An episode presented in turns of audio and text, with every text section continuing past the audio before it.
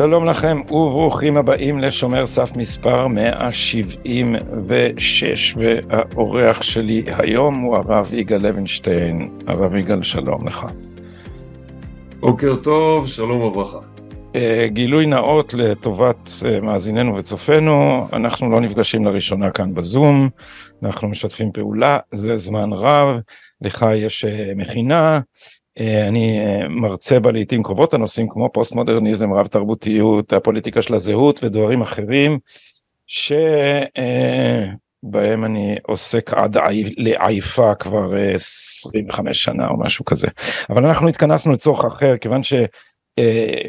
באווירה הציבורית הסוערת שנוצרה סביב הרפורמה יש הרבה נקרא לזה פרגמנטציה של הדיון כי אנשים צורכים את התקשורת שלהם ממקורות שונים והשיח בחלק בגזרות שונות של הציבור הוא שיח אחר לגמרי אז בוא בתור uh, מי שחי בתוך עמו בציונות הדתית אתה גר בעלי uh, מה uh, איך מדברים על הרפורמה סביבך. באופן כללי תומכים מאוד ברפורמה, אבל אה, לא כולם בקיאים על מה בדיוק הדיון, על מה המאבק. אה, באופן כללי הם מרגישים הרבה מאוד שנים בציבור שהפסקים של בג"ץ הם אה, פוגעים גם בהתיישבות, גם בערכים היהודיים, אז באינטואיציה הפנימית הטבעית, בלי הבנה משפטית עמוקה, אנשים מבינים שיש כאן משהו שצריך לשנות או לתקן. מעבר לזה לא מבינים את הדבר ואני הייתי רוצה רגע אחד להסביר מה המטרה של השינוי. כי הרבה מאוד עסוקים בפרטי השינוי ולא במטרת השינוי. אני חושב שהנקודה המרכזית היא על מי צריך להכריע בסוגיות ערכיות חברתיות. האם בית משפט יש לו ידע ויכולת להכריע בסוגיות שהן סוגיות חברתיות ולא סוגיות משפטיות. אני אתן שתי דוגמאות להבין ששדה ההכרעה הוא בחברה, בכנסת, ששם זה מקום הפשרה בין דעות חלוקות בחברה, ולא בית משפט שהוא צריך להחליט שחור או לבן מי צודק מי טועה. דוגמה ראשונה, בג"ץ קציר קבע שהסתיימה המפעל הציוני ההתיישבותי בארץ ישראל הסתיים אהרון ברק כבש אחרי מאה שנות התיישבות של הקמת יישובים יהודים בכל רחבי הארץ כדי להשיב את העם לציון. בבג"ץ קציר הוא סיים את התהליך. מאז לא הוקם יישוב יהודי אחד בכל רחבי הארץ כשבעצם הדילמה וההתנגשות היא בין שני ערכים המפעל הציוני ההתיישבותי וזכויות הפרט של המיעוט הערבי מאה שנה הסתדרנו, הכרעה חברתית הייתה מפעל ההתיישבות ימשיך ויקימו יישובים יהודיים בכל רחבי הארץ כדי לייעד את הגליל ואת הנגד במיוחד. ובבג"ץ קציר נקבע שאי אפשר להקים יישובים יהודיים, מאותו רגע נסתיים מפעל ההתיישבות. האם זה מקומו של השופט להכריע האם מפעל היסטורי של שיבת ציון אחרי אלפיים שנות גלות הגיע זמנו להסתיים ב-1993? מה זה קשור לבית משפט? דוגמה ראשונה. זה מקום שהכנסת צריכה להכריע נושא את הערכים. דוגמה שנייה, לתחום המשפחה. בג"ץ לניאדו. בג"ץ לניאדו פנתה אישה אה, חד הורית, ביקשה ילד. לניאדו בית חולים חרדי שעובד על פי כללי ההלכה. על פי תורת ישראל מביאים ילד, אה, ילד אה, בטיפולי הפריה למי שיש לו אבא ואימא, זה לכתחילה. בדיעבד לא מביאים ילדים לעולם בלי אבא או אימא. פנתה אישה חד הורית וביקשה ילד. אמר לבית החולים על פי ההלכה אנחנו נותנים ילד עושים טיפולי הפריה רק למי שיש לו אבא ואימא מי שלא לא. השופטת ברון מבית המשפט זה פסק דין מלפני שנה קבעה שעצם הדחייה של בית, המש... בית החולים את האישה הזאת הוא פוגע, אני קורא את, את הציטוט, סגירת הדלת בפני נשים שאינן נשואות מבטאת אמירה מתייגת את כל אותם המשפחות החדשות כפסולות ונחותות ביחס למשפחה המסורתית של גבר ואישה שנישאו. אמירה הצהרתית זו כשלעצמה פוגענית עשויה להוביל להוביל לגירושו של נסק לא ממוני לאישה המופלית. אז, אז, אז האם, האם הרב יגאל אתה אה, רוצה שיפסקו לפי ההלכה, או שאתה טוען פה טיעון לא. אחר, אתה אומר, לא, אני הדבר הזה... שאלה מי המקום שבו יכריע. שאלה היא מהי משפחה לכתחילה, דיעבד, מהי משפחה ראויה, לא האם יש דרגות במשפחות, מה, לאן החברה שואפת, זו שאלה פנים חברתית, מהם ערכי החברה, זה בכלל לא קשור להלכה, זה דוגמה בפסק הזה, שבית המשפט נכנס לתחום ערכי, זה לא תחום משפטי. אבל זה בדיוק, אז זה בדיוק, אני, אני יכול לראות איך טיעון כזה עובד באופן מאוד מאוד שונה בציבור שלך ובציבור שאני חי בתוכו, שישמעו את זה ויגידו, אה, ah, הנה, בדיוק, בדיוק. הדתיים החשוכים האלה הם רוצים אה, לפגוע בזכויות הלהט"בים, בית המשפט מגן על זכויות הלהט"בים ולכן הם רוצים לחסל את בית המשפט.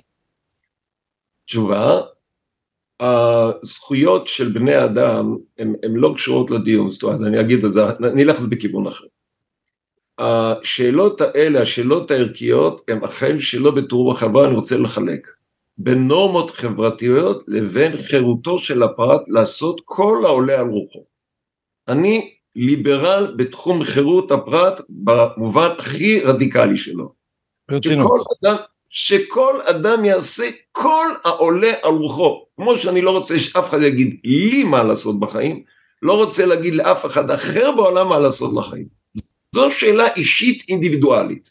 יש שאלה אחרת. שאלות ציבוריות. מהו ערך המשפחה? זה מאבק ציבורי על ערכי החברה. מה מעמיד את החברה לדורות? האם יש אידיאל במושג אבא ואמא שווים, האם זה אידיאל חברתי, או זה לא אידיאל, יש מגוון משפחות וכולם שוות, זו שאלה ערכית, חברתית, ציבורית, שיש בתוכה מאבק בתוך החברה על אחר. להשאיר לחברה אל אה, שנקרא סופרמרקט הדעות שיש בתוך החברה, המחלוקות שיש בתוך החברה, תשאיר לחברה לנהל את ערכיה. אל תכפה על החברה ערכים של צד אחד ובמחלוקת. תשאיר את זה לרמה החברתית, שלהט"ב יחיה איך שהוא רוצה, השאלה אם יש לזה הגדרה של משפחה או לא, תשאיר את זה לחברה להחליט אם זה משפחה או לא משפחה. וכשאתה אומר להשאיר לחברה, אתה מתכוון בלב שלם להפקיד את זה בידי ההליך הדמוקרטי, ואם החברה תחליט שנישואים חד מיניים זה אה, לרוחה, אתה מקבל את זה. אני לא אומר, אתה לא צריך... אני לא מקבל את זה, אני, אני, אני, אני, אני אלך איתך עד הסוף. אני בהחלט, הכל הולך לפי החלטות של החברה, אני לא יכול לכפות על החברה שום ערך. החברה באופן חופשי ודמוקרטי, כשגירשו אותי מגוש קטיף, זו ההחלטה של אור, אפשר להגיד, היו מניפולציות, לא מניפולציות, אני לא נכנס להיבט הזה, זה היה כשר אבל אה, מסריח התהליך, אבל אני לא נכנס לזה. כן, יש החלטות שהן לא לרוחי, אבל הרוב, הרוב החליט שהוא לא רוצה להיות בעזה, מה אני יכול להיות? אני יכול להחליט, אה, אני יכול להחליט עליו בתור מיעוט שלא יחיה ככה. מה הייתה עמדתך בזמן ההתנתקות עצמה? אני חושב שהייתה טרגדיה. במובן הציוני, במובן היהודי, בהמון מידה. בקריאה... אבל אתה לא היית מהרבנים שקראו לסרב פקודה. חס ושלום, מה זה נוגע לעניין? מה פתאום שנפרק את המדינה בגלל מחלוקות? ברגע שיש לך, החברה מקוטבת, חברה מקוטבת מאוד. הדרך לשמור על האחדות זה לקבל את צורת ההכרעה הדמוקרטית אה, של הרוב. אין דרך, פעם אחת אני מרוויח, פעם אחת אני מפסיד בהכרעות האלה. אבל זה סוד האחדות, זה לא האחידות בדעות. לא תהיינה אחידות, אנחנו אנשים שונים, דעות שונות, עם השקפות שונות, ואני אגב רואה במחלוקות ובשוני, אני רואה מעלה גדולה. העם היהודי תמיד היו במחלוקות, לפעמים הם הלכו לקצה וגמרו לחורבן. אבל בסוף המחלוקת זה דבר עצום, היהדות בנויה ממחלוקות, המחלוקות יוצרות חידוש, חדשנות, אה, התפתחות, יצירתיות, המחלוקת זה דבר עצום, אף אחד לא יודע את הכל, והעובדה שבאים דעות שונות ומתנגשות אחד עם השנייה, זה מחדש, זה יוצר תזה, סינתזה, תזה, אנטיתזה וסינתזה, זה יוצר התחדשות ורעננות בלתי רעילים. אני רואה במחלקות דבר עצום. אז אני רוצה... אין באמת מתבררת אלא מאבך, זה נפלא, אבל כדי להכריע במחלקות, אין ברירה אלא ללכת לשוק הדעות הכללי ולתת לחברה להכריע, פעם אני מפסיד, פעם אני מרוויח. זה שאני מפסיד זה לא אומר שאני מקבל את ההשקפה שהוכרעה. אני חולק עליה, אבל אני מקבל את ההכרעה הציבורית בעניין. אז אני אאחז בנושא הזה, אני לא רוצה להגיד לחדד, כי אני רוצה לקחת אותו למקום שמעסיק אותי, ואני חושב שמעסיק גם אותך, ושהסיסמה לגביו, האופן שבו זה תויג, לפחות ככל שזה נוגע לי, זה ניידים ונייחים. תראה, יש דווקא הדבר הזה של, של זכויות להט"בים, אנחנו בעצם שומעים שני אה, דיונים שונים כאילו הם היו אחד. כשאנשים אומרים אה, בג"ץ מגן על זכויות להט"בים ולכן צריך לתמוך בבג"ץ חזק, הם אומרים שני דברים. אה, אחד זה אה, שבית המשפט שומר על אה, ערכיה הליברליים של הדמוקרטיה במסגרת המשחק הדמוקרטי. ואז נגיד ניקח בארצות הברית. בארצות הברית בהצהרת העצמאות כתוב שזכויות מסוימות הן מתת אלוה. אבל בארצות הברית לא שופטים לפי הכרזת העצמאות. שופטים למשל את, משתמשים בערך החירות או באופן אה, או, או חלק אחד שלו הזכות חופש הביטוי חופש הביטוי לא, לא אומר שופט בארצות הברית, תראו, מאחר שהחירות היא מתת אלוה, ומאחר שאין חירות בלי חופש ביטוי, אז אני אה, מורה לפתוח, אה, לאשר לערוץ 7 לשדר. לא, שופט אומר, בחוקה כתוב שחופש הביטוי הוא ערך, זה, זה ה-first amendment, הוא, הוא זכות קבועה בחוק. עכשיו, אז זה דבר אחד לומר, לומר, אנחנו, בג"ץ מגן על החירויות שהחברה קבעה בחוקה. זה כל אלה שאומרים, אבל לישראל אין חוקה, אבל לישראל אין חוקה, טוענים את הטיעון הזה בצורה מבולבלת ומעורפלת. לעומת זאת, יש אחרים, ואני קורא להם הניידים, וזה דבר קריטי להבין במאבק הגדול על ערכים בחברה הישראלית, לפי דעתי. אה, שבעצם אומרים, יש ערכים אוניברסליים, קוראים להם זכויות אדם, הם לא לנו ולא עלינו אה, לתיתם או להחרימם, כיוון שהם נובעות מריבונו של עולם, או בגרסה החילונית, מטבענו, על כן זכויות טבעיות, ולכן הם גם מעל החוקה.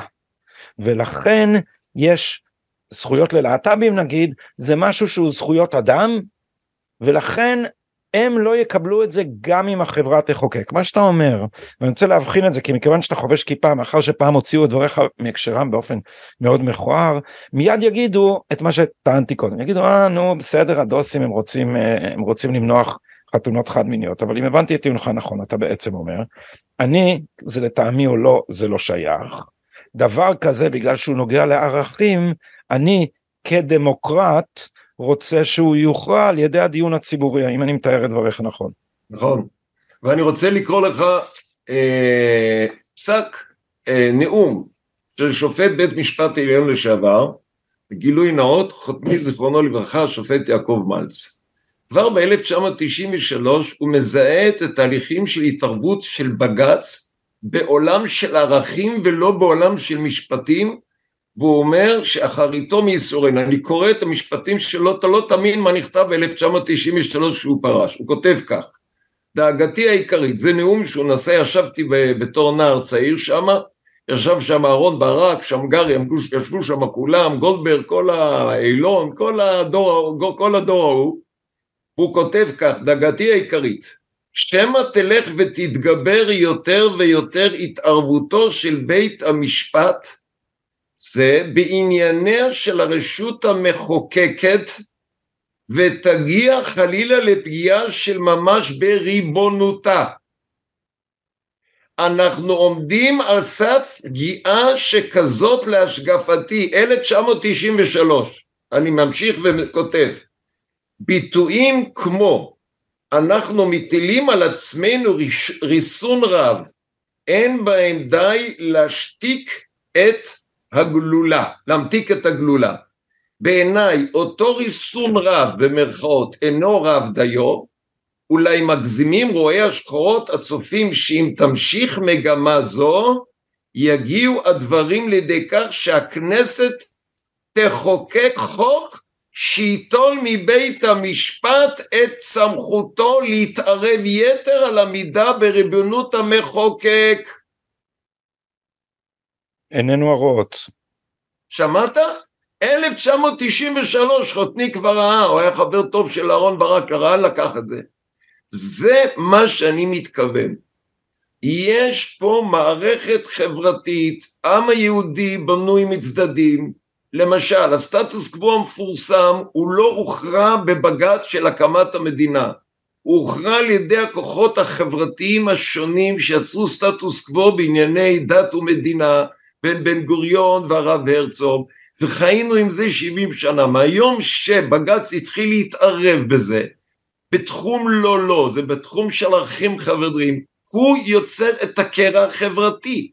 מה שיוצר פה פילוג בחברה הישראלית זה התערבותו של בג"ץ בנושאים חברתיים שנויים במחלוקת, והוא מכריע לצד אחד, ועל פי רוב לצד אחד במחלוקת, זה מגדיל את הקיטוב ואת המתח ואת הקרע. היום לשים גבולות לבג"ץ שלא יתערב בעניינים ערכיים, חברתיים, זה, זה יביא לאחדות, זה ימנע את הקרע, כי הסוגיות האלה יבואו לידי הכרעה, על ידי הכרעת הרוב הדמוקרטי במדינת ישראל. פעם תהיה קונסטלציה בנושא אחד, תהיה קונסטלציה והכרעה אחת, בנושא אחר תהיה קונסטלציה אחרת, כי החברה הישראלית היא לא מחולקת שחור לבן, בכל נושא הימין חושב אותו דבר, בכל נושאים אחרים השמאל חושב אותו דבר. זה לא נכון, החברה הישראלית מקוטבת ומורכבת. יש נושאים שיש רוב לתחום אחד שהוא כולל גם ימין וגם שמאל, יש נושאים אחרים, ההפך, וזו הבמה האמיתית, הכנסת, בקונסטלציות השונות, בבחירות השונות, להכרעות ערכיות בחברה, לפעמים לטעמי, לפעמים לא לטעמי, אבל זו דרך היחידה לאחדות, כי כל אחד מרגיש שבנושאים מסוימים, לפעמים הוא מצליח, לפעמים הוא לא מצליח, אבל השוק הדעות הוא, הוא חופשי, ולא עשרה שופטים או חמש עשרה שופטים יכריעו בשאלות גורליות לעתידו של העם היהודי. אמ, יש אה, לפעמים תחושה, תראה, אני, אני, אני, אני אתחיל את זה בעצם אחרת, אני אתחיל מזה שראיתי אלון אה, בשבת, בבניין שבו אני גר יש בית כנסת, וזה בית כנסת מאוד נחמד, יש פה שמאל וימין, אה, אה, אפילו הייתי אומר דתיים וחילוניים, כי יש אנשים מסורתיים שבאים לפה, יש פה אינטלקטואלים שבאים לבית הכנסת הזה, מקום מאוד אה, נחמד ותוסס ושכונתי. וככה, ו, וידיד שלי שמתפלל בבית הכנסת בא עם אחד מהעלונים, אני לא זוכר, ארץ ככה, עולם ככה, ואני רואה בה על השער אה, מישהו כבר, משרד פרסום עיצב, זה מודעה, כתוב שלמות הרפורמה או שלמות העם. אתה יודע, ישר צלצל לי פה שהנה מגיע, מגיעים, הגיע ה weak sister, הבנט הבא, שכבר אומר, תשמעו, יש פנים לכאן ולכאן, צריך אה, זה וזה, אתה יודע, אצלנו קוראים פינת הליטוף. אה, אנשים שמחפשים עכשיו בעצם גושפנקה מהאליטה ש... שאנחנו נתונים איתה במאבק על כוח. זה, זה, זה רוח נפוצה בציבור הציוני דתי? באופן כללי אני חושב שהציבור הדתי עבר תהליך מאוד מאוד עמוק של השתחררות מהרצון למצוא חן בעיני האליטה החילונית.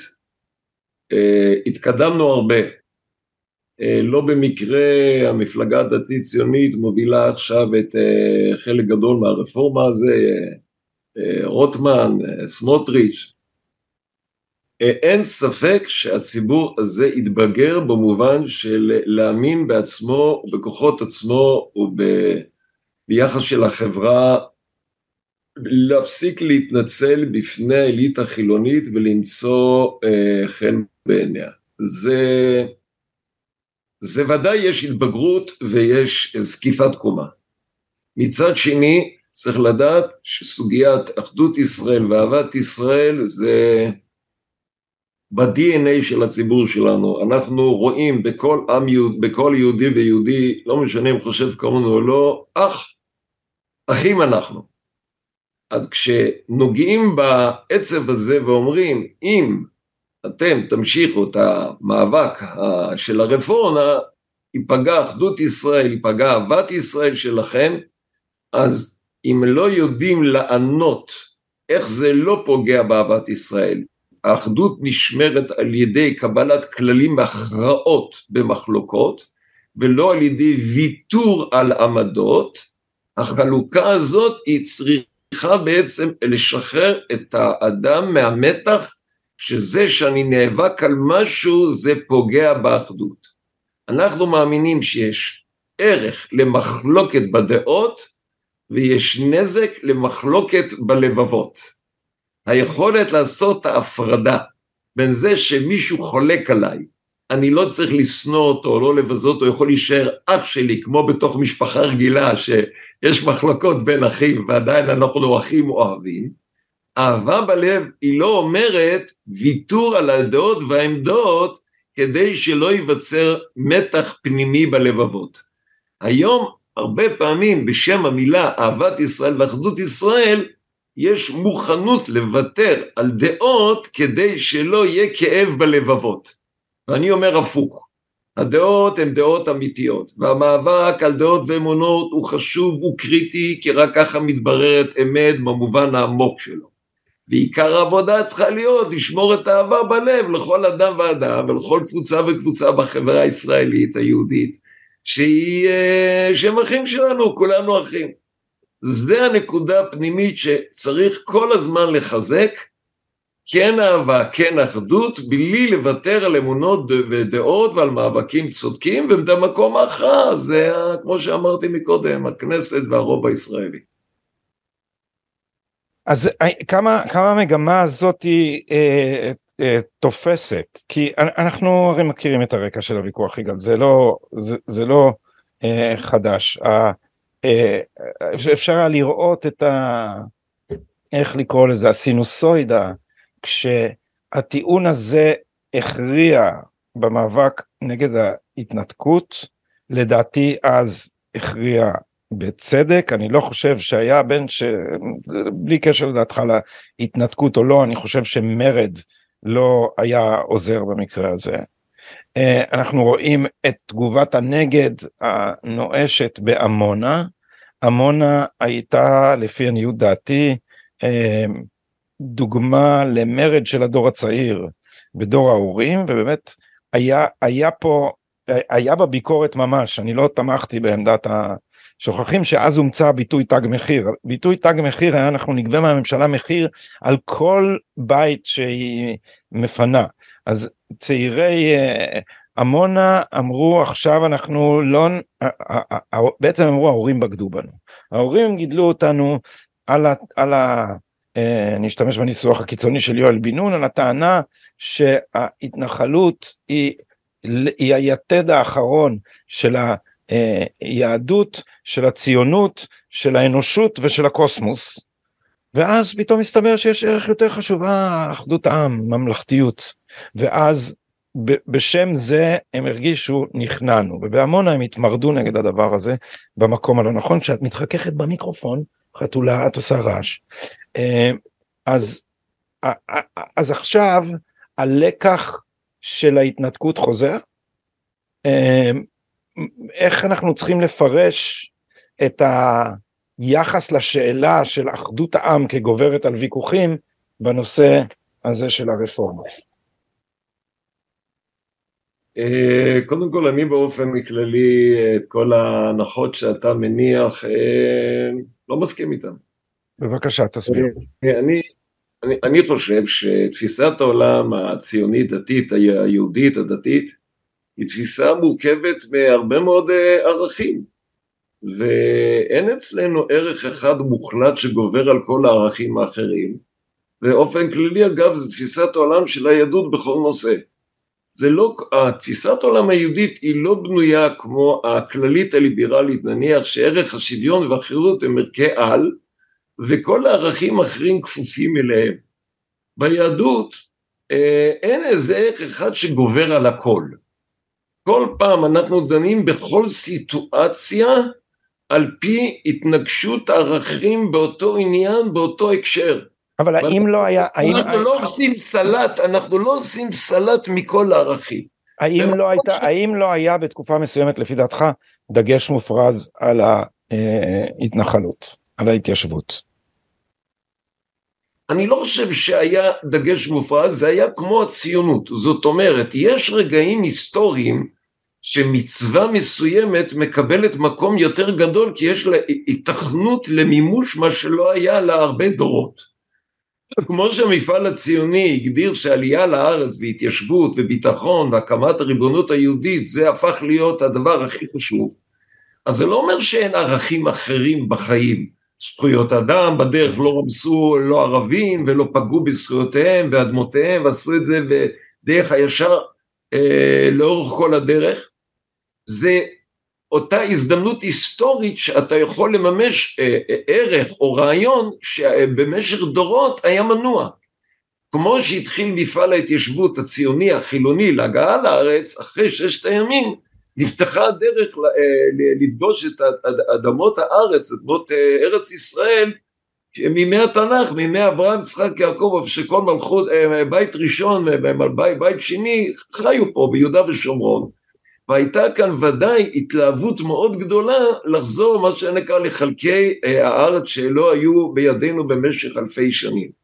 אז זה ברור שהמצווה הזאת תפסה היסטורית מקום מאוד מאוד מרכזי, אבל בכל רגע ונתון שבו היה בעיה או, או נוצרה דילמה או התנגשות בין ערכים, אז נעשה דיון רציני בבית המדרש, איזה ערך גובר לאיזה ערך, אני זוכר ביטויים של הרב ציודה בדורות הראשונים של ההתיישבות, שההתיישבות רצה קדימה והוא הרגיש שהתהליך נעשה רק על ידי קבוצה קטנה ואין גיבוי ציבורי להתיישבות.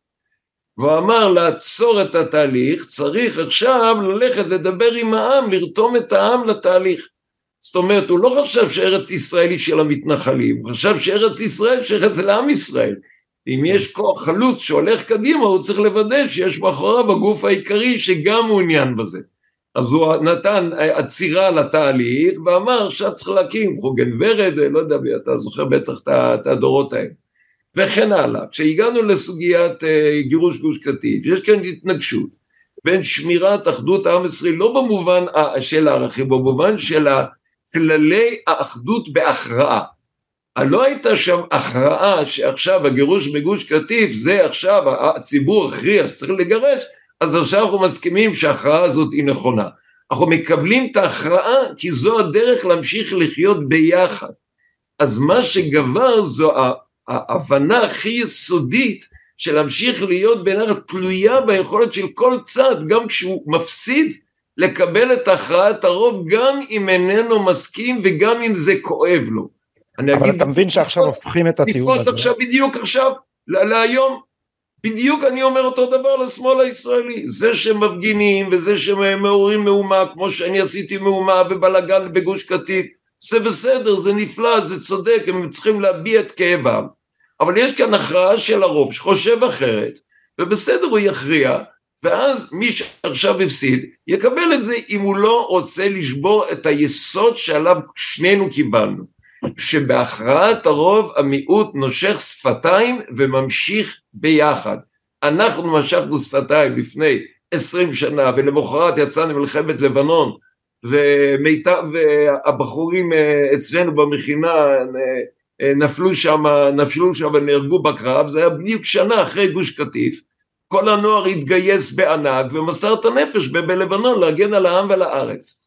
זה אומר שהנקודה הפנימית שיוצרת העצם הלוז', החוט המקשר את כולנו, זה היכולת לקבל הכרעות בחברה שדעותיה אינן שוות. המחשבה שהמושג אחדות זה לוותר על עמדות זה טעות ערכית, מוסרית, היא, היא, היא לא מביאה בשורה, היא לא יוצרת חידוש, היא הופכת לחברה מנוונת, זה הופך להיות חברה קומוניסטית, רק בסין יש אחידות בדעות, בצפון קוריאה יש אחידות דעות, באיראן יש. אנחנו חברה הכי דינמית בעולם, המחשבה היהודית היא פוריה, היא פורצת דרך, ואני רואה ברכה אדירה במחלוקות האדירות שיש, ויש בהם דברים מדהימים, כולם אנשים רציניים שחושבים טוב. יש מחלוקות צריכות להיות מוכרעות. דרכי הכרעה זה הכנסת, בבחירות, אין דרך אחרת להכריע. וכשמישהו מפסיד, הוא נושך שפתיים, והוא אומר, הפעם הפסדתי, ערכיי לא התקבלו בחברה, נמשיך להיאבק עליהם בקדנציה הבאה, יום יבוא. ואני למשל חושב על נגיד יריב לוין, זה יהודי שעומד את, את שליטתו בנושא המשפט כבר עשרים שנה. כמה פעמים הוא ניסה לקדם את הרפורמה הזאת? עשרים שנה ולא הצליח. אחרי עשרים שנה נוצרה לו קונסטלציה שמאפשרת לו זו, יפה מאוד, זה בסדר, הוא נאבק על זה עשרים שנה, לא מצמץ. וכן הלאה, לכיוון השני, גם אלה שנאבקים על ערכים אחרים, שלפעמים מצליחים, לפעמים לא, אבל זו עצם הלוז של מושג האחדות. אבל אני, אני יכול לדמיין מישהו בציבור שלך ממש בקלות אומר תשמעו אה, הגזמנו אנחנו לא מספיק מתחשבים בהם הם, אה, אולי הלכנו רחוק מדי בואו נעצור ו, ו, ונמצא פשרה. תשובה שלי זה מניפולציות של השמאל שמרגיש את הנקודה את הסדק הזה שיש בלב של הדתיים. אה, אני, אני אומר בדיוק הפוך. מי שרוצה באמת לכבד את החילונים בצד השני, תגיד את עמדותיך, תגיד מה אתה מאמין, אני חושב שהחילונים זה אנשים רציניים והם מכבדים אנשים שמכבדים את עצמם. אם הדתיים לא יכבדו את עצמם, החילונים לא יכבדו אותם. לכבד את עצמך אין הכוונה לפגוע במישהו אחר, להעליב את מישהו אחר, או לא להקשיב למישהו אחר. לכבד את עצמך פירוש דבר זה להיות בטוח שיש לך עמדה צודקת וככל שעמדתך יותר צודקת יש לך יותר כוח גם להקשיב למישהו אחר לא על ידי התבטלות של עצמך בפניו אלא להקשבה עמוקה מתוך אדם שבטוח בדרכו ואם יש איזו סברה טובה שהוא שומע ממישהו אחר הוא לוקח אותה בקלות שמע אמת ממי שאמרה אין לנו שום בעיה להקשיב לא לי ולא אף אחד אחר לסברה טובה שיכולה לשנות את דעתי. אבל לא מתוך כניעה ולא מתוך רצון למצוא חן, זה חוט השערה בין נקרא לזה בין אה, זקיפות קומה לכניעה פנימית. הקשבה איננה אומרת התבטלות. איזו החכם הלומד מכל אדם. זה לא התבטלות וזו לא חולשה, זה יכולת גדילה וצמיחה, אבל היא לא יכולה לבוא ממקום של כניעה ורצון למצוא חן.